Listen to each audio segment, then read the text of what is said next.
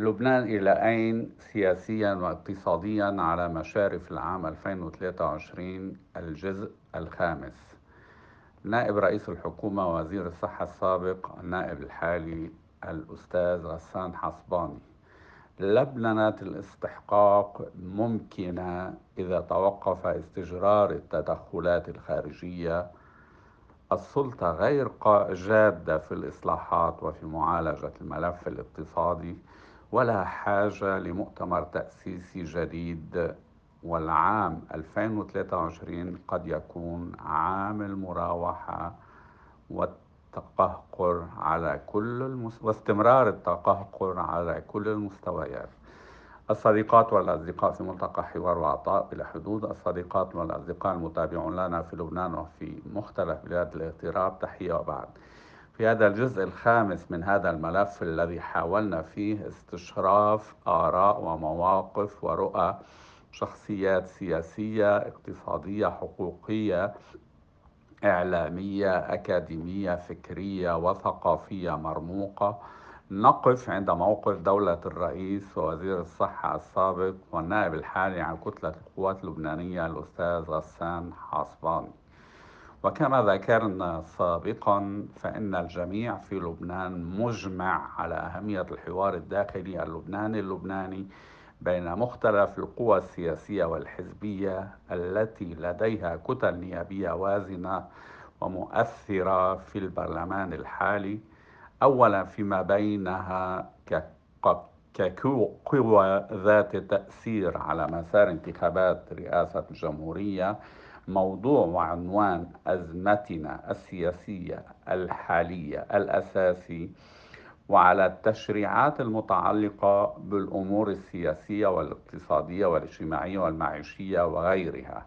وفي سن القوانين المطلوبة لمواكبة هذه المرحلة الحساسة من تاريخ لبنان والتي يجب أن تكون مرحلة الإنقاذ والخلاص الحقيقي على كل المستويات على كل المستويات اذا. لأن الوضع لم يعد يحتمل مماطلة ومكابرة وإنكار بسبب خطورة ما وصلنا إليه. والحاجة الملحة لطرح خطط وبرامج إصلاحية حقيقية وجذرية. كذلك يجب على كل القوى هذه القوى الحوار أيضا مع غيرها من قوى المجتمع المدني ونقابات المهن الحرة والهيئات الاقتصادية غير الجشعة بين الهلالين والنخب الناشطة الخبيرة. في محاولة للاستفادة من كل الخبرات والطاقات التي تسعى جاهدة وكل جهة على طريقتها لطرح حلول للأزمات الوطنية الخانقة التي لم يعرف لها لبنان مثيل في تاريخه منذ تأسيس هذا الكيان. ويأتي إذا هذا الحوار الاستشرافي للآفاق السياسية والاقتصادية في لبنان على مشارف العام 2023 مع الوزير السابق والنائب الحالي الأستاذ غسان حاصباني في سياقه الطبيعي والمنطقي. إذ أنه رجل دولة من الطراز الأول وقد اتصفت تجربته السياسية التي عايشناها بالكفاءة والاعتدال والوسطية والمواقف الوسطية الجامعة خاصة وأنه تربطني به شخصيا وعلى مستوى ملتقى حوار وعطاء بلا حدود صداقة قديمة وتعاون وتشاور متواصل لم ينقطع في أصعب الظروف واحترام متبادل وسعي مشترك للسعي لتدعيم كل القواسم الوطنية المشتركة والعمل على الإنقاذ. ولمن لا يعرفون سيرته الذاتية فقد أنهى الصديق حاسباني دراسته الجامعية في المملكة المتحدة وحصل فيها على بكال بكالوريوس في الهندسة الإلكترونية مع مرتبة الشرف من جامعة ويستمنستر في العام 1994 وماجستير في إدارة الأعمال موضوع إدارة التسويق العام جامعة هيل في العام 1998 وهو المؤسس والرئيس التنفيذي وخبير الاقتصاد الرقمي في شركة جرايك كوتس الجمهورية اللبنانية وهو عضو في مجلس النواب اللبناني عن دائرة بيروت الأولى منذ انتخابات أيار 17 أيار 2022 وخبير استراتيجي في شؤون الاقتصاد والتكنولوجيا وعضو سابق في مجل مجلس الأجندة العالمية للتنافسية في المنتدى الاقتصادي العالمي كما أنه عضو في معهد الهندسة والتكنولوجيا البريطانية وزميل شبكة القيادة العالمية في معهد إسبن وعضو في مجالس الإدارة غير التنفيذية لعدة شركات. وقد شغل, منصب وزير الصحة ونائب رئيس مجلس الوزراء اللبناني بين عام 2016 والعام 2019 وشغل مناصب قيادية في عدة شركات خاصة رائدة في أوروبا والشرق الأوسط والشرق الأدنى. وقد شارك معنا منذ ثلاثة سنوات في عدة ندوات نظمها ملتقى حوار وعطاء بلا حدود وجمعية ودائعنا حقنا. إذا نظمناها في ملتقى حوار وعطاء بلا حدود وجمعية ودائعنا حقنا حول الأزمات الاقتصادية المدمرة التي يتخبط فيها لبنان منذ بداية الأزمة والتي تدور مواضيعها بشكل أساسي حول كيفية حماية حقوق المودعين وأموالهم استرجاع الأموال المنهوبة والمهربة والمحولة قوانين ال capital control تعديلات قانون السرية المصرفية وكيفية إعادة استنهاض الاقتصاد اللبناني وإمكانيات التوجه شرقا. وقد أتت أجوبته على الشكل التالي والذي يمكن إيجازها بأنه من الممكن لبننة الاستحقاق الرئاسي إذا توقف استجرار التدخلات الخارجية من هنا وهناك وأن السلطة الحالية غير جادة في الإصلاحات خاصة الاقتصادية منها وأنه لا مكان حاليا لعقد مؤتمر تأسيسي جديد بل أن تطبيق اتفاق الطائف يكفينا وأن العام 2023 قد يكون عام المراوحة وتطويل أمد الأزمات على كل الصعد أترككم إذا مع المداخلة القيمة للصديق السان حاسباني كان معكم الدكتور طلال حمود منسق ملتقى حوار وعطاء بلا حدود ورئيس جمعية ودائعنا حق تحياتي جميعا معكم غسان حصباني. نعم سجل التسجيل بناء لطلب الدكتور طلال حمود خصيصا لهالملتقى لمحاولة استشراف الوضع في عام 2023 وكان وضع دكتور طلال عدد من الأسئلة رح حاول الإجابة عليها آه، باقتضاب تدريجيا. بالنسبة للاستحقاق الرئاسي فهو واضح أنه عم رح يراوح مكانه لفترة أقله للجزء الأول من عام 2023 وليس هناك من مخرج إلا عند اقتناع بعض القياديين والمرشحين المحتملين أنه ما عندهم حظوظ والإفساح بالمجال أمام آخرين للترشح آه، لأن ينتخبوا بالمجلس النيابي. طبعا لا يجوز الانتظار أنه يجي آه، اسم من الخارج أو ينزل اسم من الخارج والاستحقاق عليه أن يكون لبنانيا لبنانيا. آه، وبصير هالشيء لما يقتنع اللبنانيين جميعا أنه الاستحقاق لبناني ويتوقفوا عن انتظار الخارج أو حتى استجرار آراء وتدخلات من الخارج بالنسبة للاستحقاق الرئاسي كما جرت العادة. لحد اليوم النائب بشار معوض هو الشخصية الأكثر تقدما لأنه الاسم الوحيد يلي عم بيستقطب هالحجم من الأصوات ولو لم يكن يستقطب الأكثرية. آه وطبعا الورقة البيضاء آه مخبية وراها عدة أسماء وليس اسم واحد ولو كان هناك توافهم آه بين الفرقاء اللي عم بيطرحوا الورقة البيضاء لكانوا وضعوا اسم وذهبوا للتصويت آه، له آه، وكمان حجم الورقة البيضاء تقلص آه، إلى حد ما.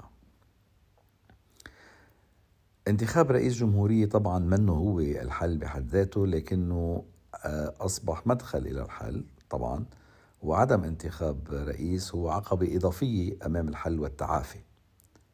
كان عنا رئيس بالأول والوضع كان عم يتأزم أكثر وأكثر فوجود رئيس بحد ذاته منه هو أساس للحل. لكن آه، تقريب يعني طبيعة هذا الشخص وقدراته ومقاربته آه، للإدارة آه، ممكن إنها تعمل فرق كبير. لذلك أوقات الفراغ أفضل من انه يكون في عنا الرئيس الخطأ أو الحكومة الخطأ يلي ممكن يعمقوا الأزمة أكثر وأكثر آه، ضروري يصير في انتخابات وبأسرع وقت ولكن ليس على حساب نوعية الشخص المطلوب للمرحلة القادمة. بالنسبة للسؤال المتعلق بالعلاقة بين الوزير باسيل وحزب الله طبعا نرى الوزير باسيل عم بيعلي سقفه آه، وأصبحت العلاقة وكأنها محصورة فقط ب آه، الوصول إلى السلطة أو موضوع السلطة وليس المواضيع الاستراتيجية آه، الأخرى. وأصبحت العلاقة محصورة بالتفاضل والتنافس بين الوزير باسيل ومرشحين آخرين قد يكونوا بفلك حزب الله. وهو بطبيعة الحال عم بيعلي سقفه ويعود ويستنجد دائما بالطائفية والتموضع الطائفي آه، ليستحصل على يعني عطف أكبر. آه، لكن لا توقعات بأن يكون هناك اتفاقات لا جانبية ولا جوهرية مع أي فريق سياسي آخر بين الوزير بسيل مع الوزير بسيل آه، بهذه المرحلة بناء على التجارب السابقة لكل الفرقاء السياسيين. أما بالنسبة للإصلاحات آه، إذا نظرنا للسنوات الماضية وننظر إلى اليوم ما يحدث القوى السياسية الممثلة بالحكومة لم تعتمد أي وسيلة للإصلاح بالثلاث سنوات الماضية. لم تتخذ ولا خطوة إصلاحية من ناحية مثلا الأشياء البسيطة نحن عم نحكي ما عم نحكي الإصلاحات الكبرى البنيوية. يعني أبسط الأمور مثل التحصيل الجمركي وضبط الحدود والتحصيل الضريبي. والتحفيز الاقتصادي وتقليص حجم القطاع العام وإصلاح قطاع قطاع الكهرباء والاتصالات من خلال أقله تطبيق القوانين اللي صار لها قاعدة من 2022 ولم تطبق آه، مثل يعني تشكيل هيئات آه، هيئات ناظمة والبدء بهذه الإصلاحات. حتى فتح فرص استثمارية للقطاع الخاص والشراكة مع القطاع الخاص لتحسين الأداء الخدمات وتخفيف الحاجة للاستثمار من قبل الحكومة. آه، عدا عن آه، عدم إنجاز أي من الشروط المسبقة التي تذكر آه، من صندوق النقد أو لاتفاق صندوق النقد. لذلك عم بيصير اليوم اللي عم نشوفه رمي المسؤولية بملعب مجلس النواب إنه تفضلوا هيدي بعض القوانين شرعوها وبنشوف شو بنعمل بعدين. أه وحتى القوانين الحالية المطلوبة كشروط مسبقة للتفاهم مع صندوق النقد أه لم تنجز جميعها بعد من الحكومة ولم تحال أقله إلى مجلس النواب بشكل رسمي لإتمام العمل فيها بشكل متكامل. لأنه يعني يفترض بكل هالقوانين أن تكون هي تطبيق لخطة وضعتها الحكومة ولكن تأتي كمنظومة متكاملة من التشريعات آه، لتؤثر كلها مع بعضها على البدء بالتعافي بالطريقة الصحيحة. يعني شفنا القانون الرفع السرية المصرفية اللي قطع ولو لم يكن يعني مقبول من الجميع ومثالي لكن صار عندنا هذا القانون موجود كشرط مسبق لصندوق النقد.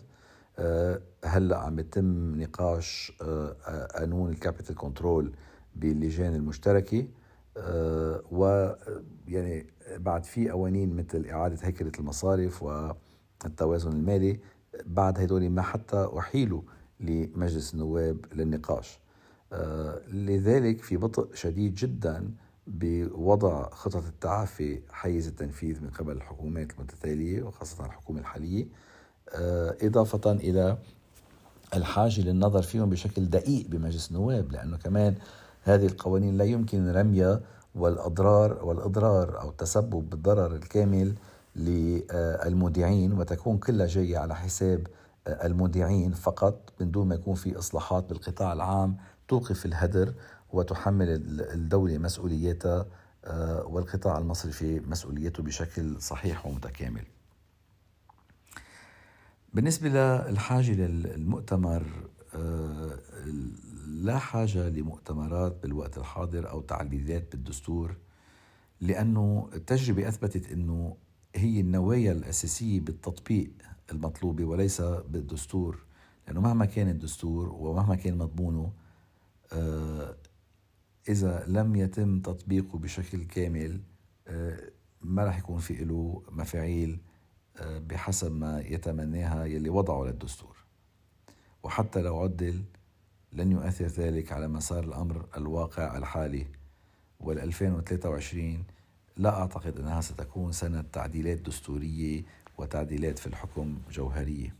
يلي بحاجة له لبنان هو قوى سياسية بتركز على تطبيق الدستور قبل الشروع بتعديله بدل من تطبيق دساتيرها الخاصة. وبالوقت الحالي التعافي هو الأولوية والتفاف اللبنانيين حول مقاربة متكاملة للتعافي هو الأولوية لأنه أي يعني مجهود بينحط بمناقشة الدستور أو إعادة النظر بالنظام السياسي ستؤدي إلى تأخر أكبر وأكبر بالتعافي وتدهور أكبر بالوضع على أقله بالمدى القصير بال 2023 للأسف مثل ما توقعنا تماما لل 2022 صار والتوقعات هي نفسها ل 2023 تقريبا. هالسنة ستتسم بأن تكون سنة تعميق للأزمة. مراوحة بموضوع الانتخابات الرئاسية والتي قد تطول لأشهر مما سيؤدي إلى تعطيل حكومي وتشريعي. كما هو المتوقع أن يكون هناك مراوحة بتشكيل الحكومة بعد الانتخابات الرئاسية إذا حصلت أو عندما تحصل. بهالجو لا يمكن إنجاز إصلاحات فعلية أو توقيع اتفاقية مع صندوق النقد. وحتى لو حصل ذلك فسيحصل سيحصل بالنصف الثاني من السنة. مما يعني أنه مفاعيل الإصلاح إذا بدأت فورا من بعد الاتفاق لن تبدأ بالظهور إلى السنة التالية يعني 2024 وما بعد. وطبعا الأمال الكبرى المتعلقة بقطاع الغاز أكيد هذه مبالغ فيها لأنه اولا لم يكن قطاع الغاز معتمد فقط على ترسيم الحدود البحرية لأنه كان في بلوكات ثانية كان ممكن يتم العمل فيها ولم يتم العمل. ثانيا في مرحلة التنقيب والاستكشاف ومن بعد التنقيب والاستخراج آه، وبداية آه، الحصول على العائدات والأرباح هذه مش قبل عشر سنين من اليوم لحتى نبلش نشوف مفاعيلها. لذلك ما فينا نحكي عنها بسنة 2023 لذلك ستتسم سنة 2023 بتعميق الأزمة على كل المستويات من خلال توقعات أكيد آه، برفع الدعم الكامل يعني ارتفاع للأسعار وهي ترتفع عالميا أيضا فيضيف ذلك أزمة على الأزمة اللي عنا إياها. طبعا تطبيق الموازنة اللي أقرت واللي كان عندنا تحفظات كتير كبيرة عليها وكنا معترضين عليها بضرائب أعلى ورسوم أعلى وفواتير أعلى آه، فقط لتأمين جزء من كلفة القطاع العام والحاجة بالخزينة لأنه غالبية هذه الضرائب والرسوم والفواتير لا تحصل آه، بالكامل. فيحمل آه، عبء من هو ملتزم بالقانون آه، كل الأكلاف وبالتالي ستكون الحسابات مغيرة للأمر الواقع. ولن تكف ولن تؤدي هذه الرسوم الضرائب إلى فعلا سد الفجوة بعجز الخزينة. آه، وبنفس الوقت ما في أي تقدم على خط التعافي الاقتصادي ولا إصلاحات بالقطاع العام تذكر في ظل الفراغ اللي موجود هلا آه، والشلل آه، بالعمل آه، بالحكومة.